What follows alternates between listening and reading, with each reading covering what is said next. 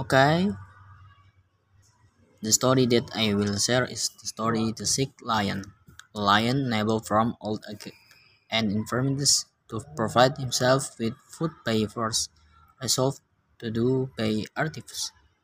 He returned to this den, and lying down there pretended to be sick, taking care that his sickness should be publicly known.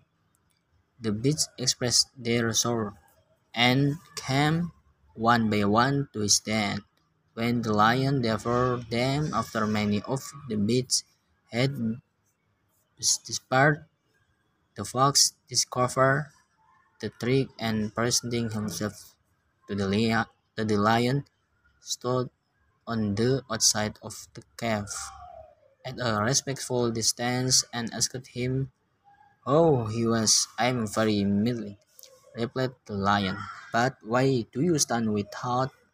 Pray enter within to talk with me. No, thank you, said the fox. I noticed that there are many prints of feet entering your cave, but I see no trace of any returning.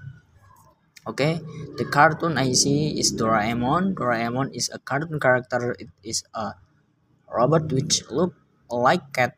Its color is blue. Doraemon has a magic shell pocket on his stomach, which we can take out many magic shell and amazing tools. Doraemon likes dorayaki very much. That is favorite food.